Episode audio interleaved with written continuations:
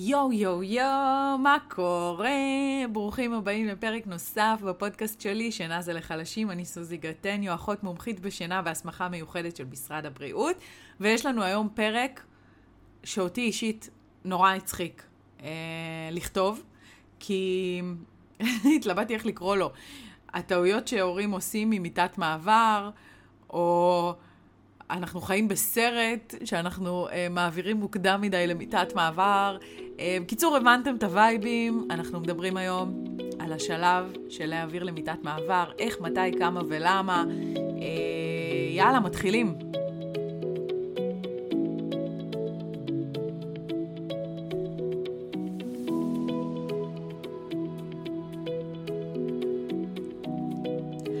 אז הרבה הורים מתקשרים אליי כשכבר מאוחר מדי, כשהם כבר העבירו למיטת מעבר, ועכשיו הם אה, בעצם מגלים את גודל הבעיה שהם, אה, שהם מתמודדים איתה. ואני הקלטתי את הפרק הזה כדי לעצור את התופעה הזאת, ולנסות למנוע מכם לעשות את הטעות הזאת מוקדם מדי. זאת אומרת, זה לא טעות, זה שלב התפתחותי תקין, פשוט לא לעשות אותה מוקדם מדי, זאת הכוונה.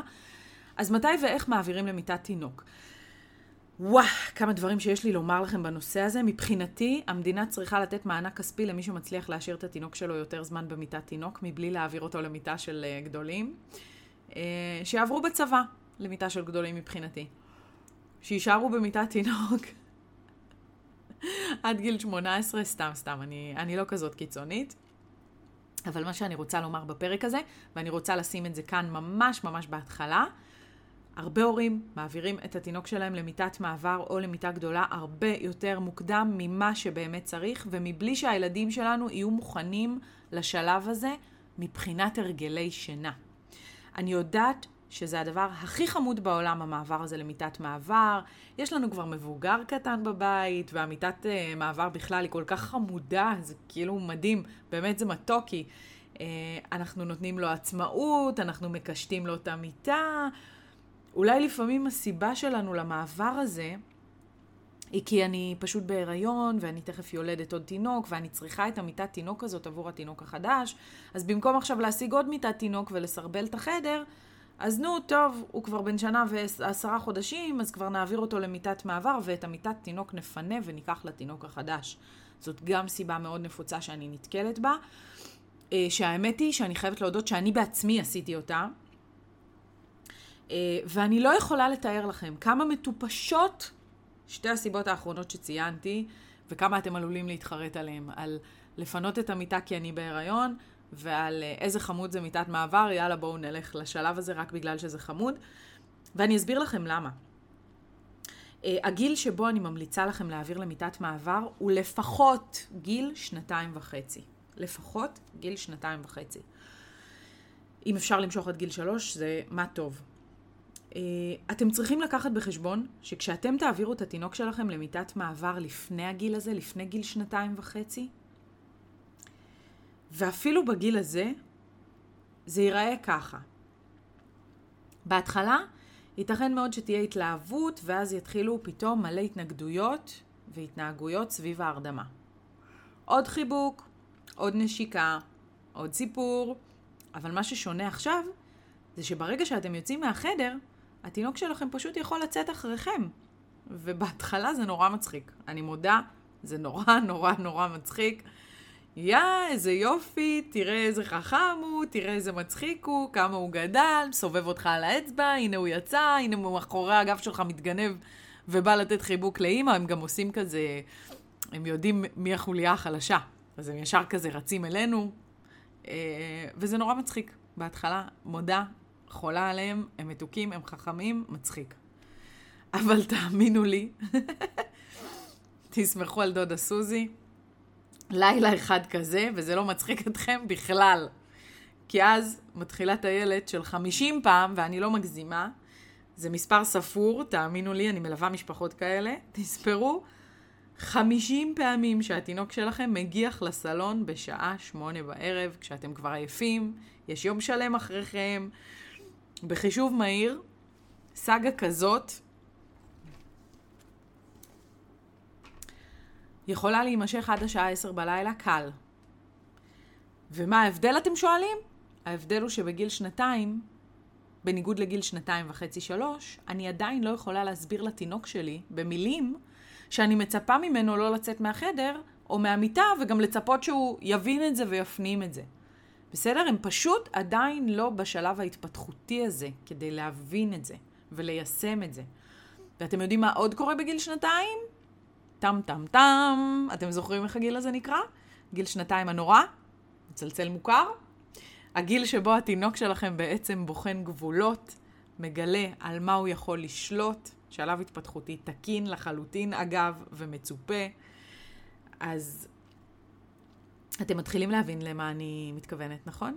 כן, נכון, שמי שמחליט להעביר למיטת תינוק, למיטת מעבר לפני גיל שנתיים וחצי, שיהיה לו בהצלחה, מה שנקרא. אה, זה לא שבגיל שנתיים וחצי לא תהיה לכם טיילת כשתעבירו אותם, כן? אל תתבלבלו. אבל בגיל שנתיים וחצי אני יכולה להסביר להם במילים מה אני רוצה מהם, מה אני מצפה מהם, והם הרבה יותר משתפים פעולה בגיל הזה.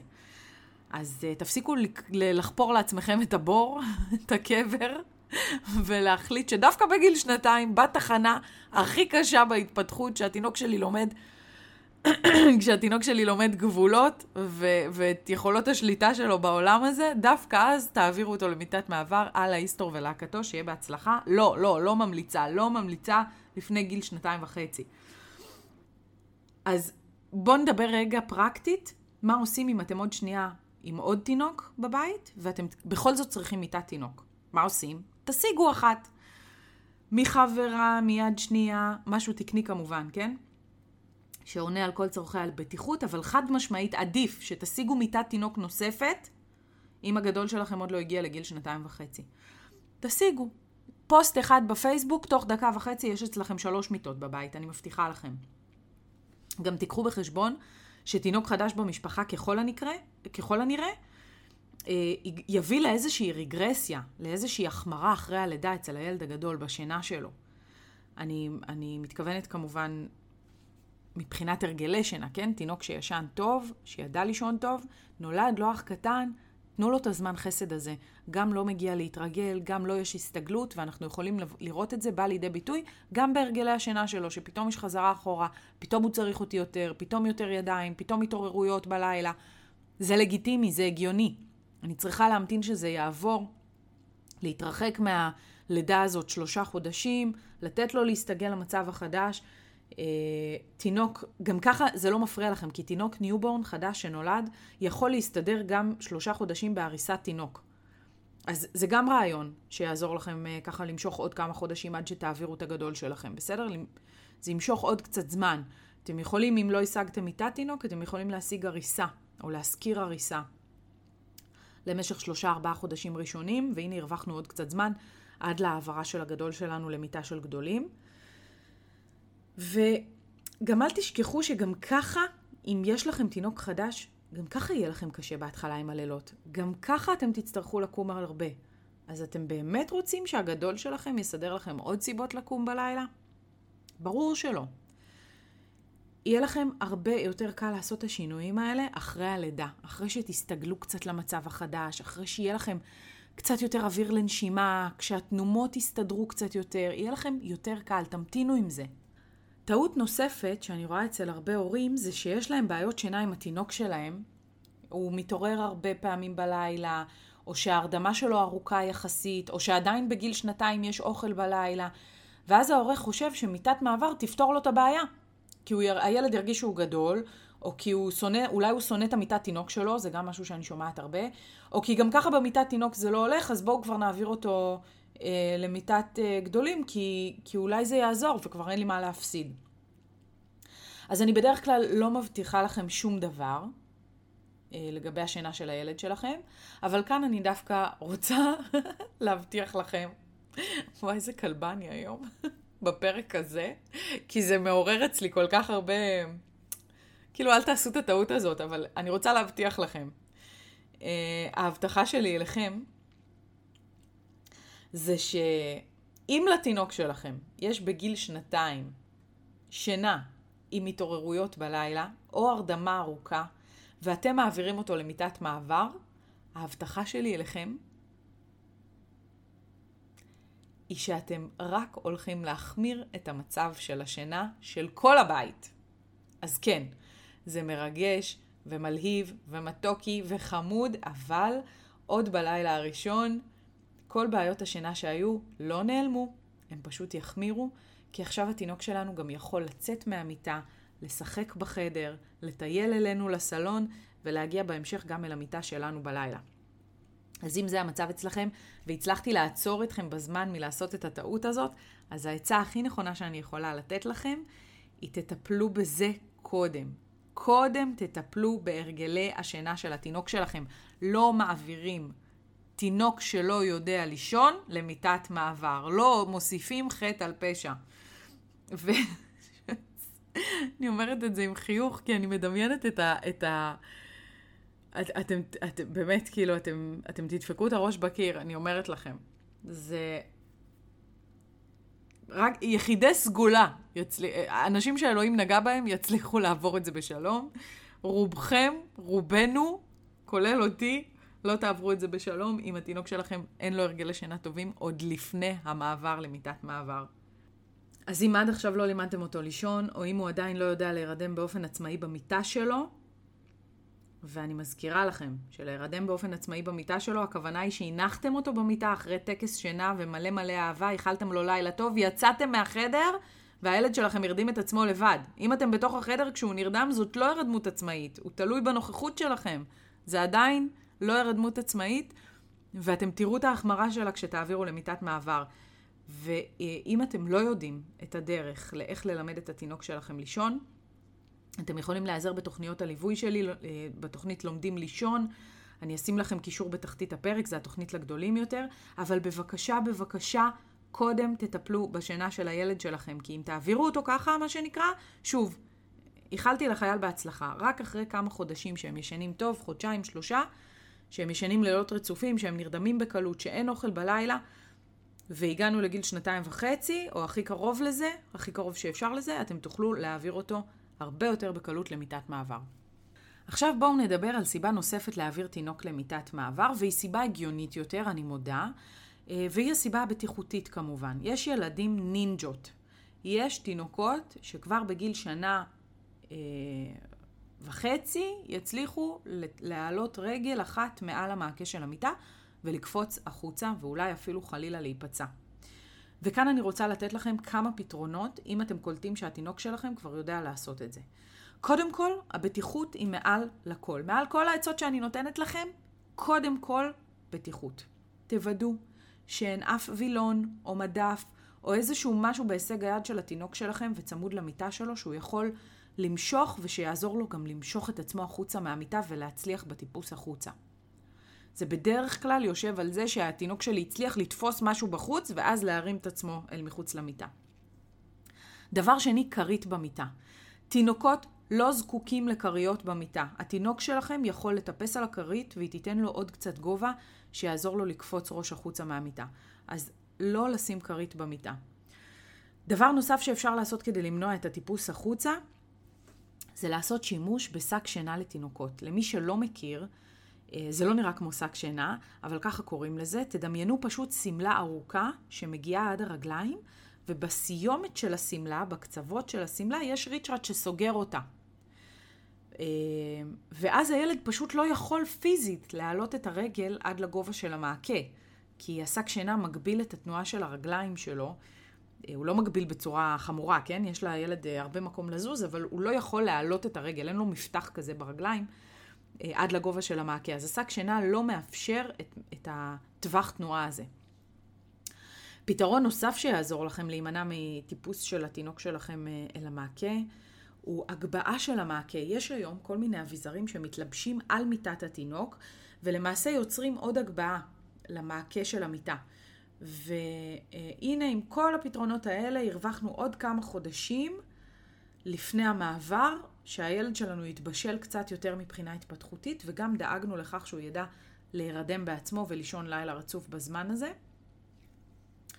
התינוק שלנו אה, בזמן הבשלה הזה כבר יודע להבחין אה, ולהבין חוקים, הוא יוכל להבין מבחינה קוגניטיבית הרבה יותר טוב והרבה יותר בקלות למה אנחנו מצפים ממנו.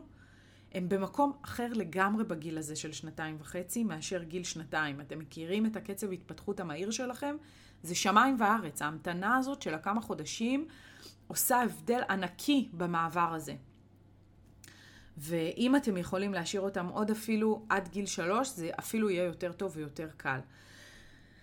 אגב, לא דיברנו על סיבה מוצדקת יחסית להעביר למיטת מעבר נוסף, כאילו סיבה נוספת להעביר למיטת מעבר אה, אה, יחסית מוצדקת והיא גמילה מחיתולים. אם התינוק שלנו כבר גמול, אז אנחנו רוצים בדרך כלל להשאיר לו את האופציה ללכת לשירותים באמצע הלילה. בואו, זה, אל, אל תתלהבו מהסיבה הזאת, זה לא המקרה ברוב הבתים, רוב הבתים אה, גומלים בגילאי שנתיים וחצי ומעלה, אבל אם אתם מהיחידי סגולה שהצלחתם לגמול את התינוק שלכם לפני גיל שנתיים וחצי, אתם תרצו להשאיר לו נתיב פנוי ללכת לשירותים בלילה. ואז באמת אה, אין ברירה, אנחנו, אה, אנחנו נעביר אותם למיטת אה, מעבר בשלב הזה.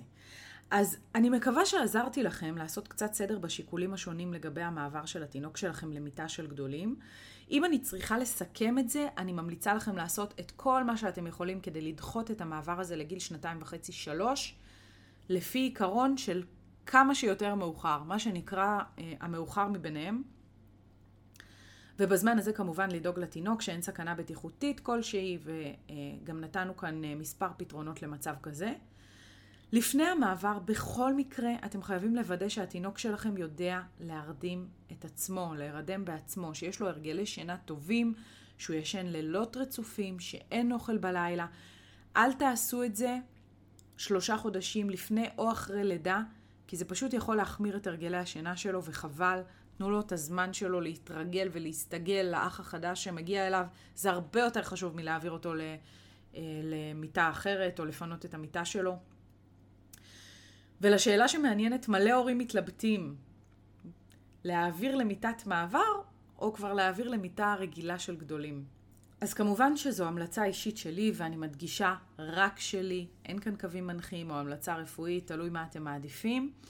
לא לכולם יש מקום בחדר למיטה רגילה. מבחינה כלכלית, ברור שעדיף לדלג על השלב של לקנות מיטת מעבר, אבל אפשר היום לכתוב פוסט אחד בפייסבוק ותוך שעה תקבלו חמש הצעות של רק תבואו ותיקחו מיטת מעבר מחברים שלכם, כי מדובר במוצר זמני. אז באמת אנחנו רואים הרבה מאוד uh, מיטות מעבר שחברים שלנו יכולים לתת לנו.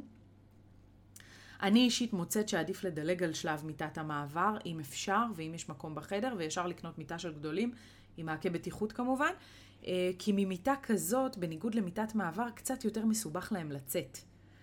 אה, אז, אז אתם אה, מורידים משמעותית את הסיכוי שבעצם תתחיל אותה טיילת מדוברת, אבל זו רק העדפה אישית שלי, ובמובן הזה זה ממש לא משנה מה תחליטו, תעשו מה שנוח לכם ומתאים לכם מבחינת חדר.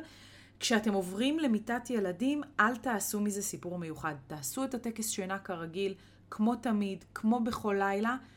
אמ, בחלק מהמקרים יכול להיות שבשבועיים הראשונים של המעבר למיטת מעבר, אה, זה יכול ללכת ממש חלק. אתם תתלהבו, אתם על הסוס, אתם תשימו אותם במיטה אחרי טקס שינה, תחבקו, תאכלו לילה טוב, תצאו מהחדר ותתראו בבוקר, מה שנקרא, והם ישנו טוב ואיזה כיף. ואנחנו חושבים שזה מאחורינו וזה עבר לנו בשלום.